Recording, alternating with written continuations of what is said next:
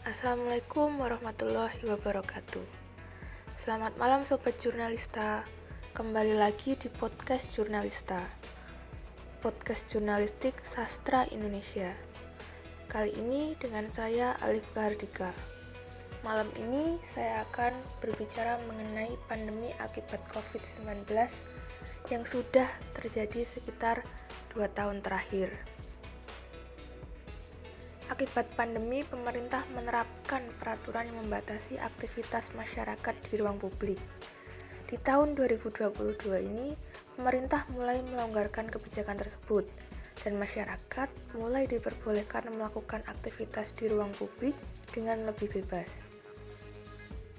Sobat jurnalista dapat melihat sendiri di lingkungan sekitar kalian.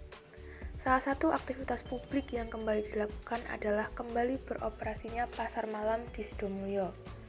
Sidomulyo sendiri terletak di Kecamatan Bambang Lipuro, Kabupaten Bantul, daerah istimewa Yogyakarta.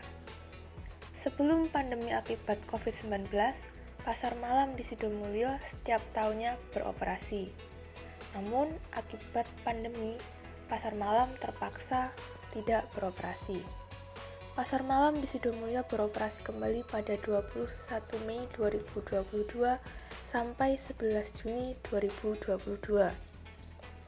Kembali beroperasinya pasar malam di Sidomulyo pada tahun 2022 ini disambut dengan gembira oleh warga sekitar. Warga sekitar sudah rindu dengan adanya pasar malam yang menjadi hiburan bagi mereka.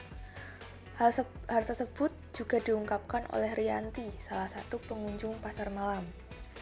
Namun di tahun 2022 ini pasar malam di Sidomulyo tidak berlokasi di lokasi yang biasanya menjadi tempat diadakannya pasar malam yaitu di lapangan Ganjuran.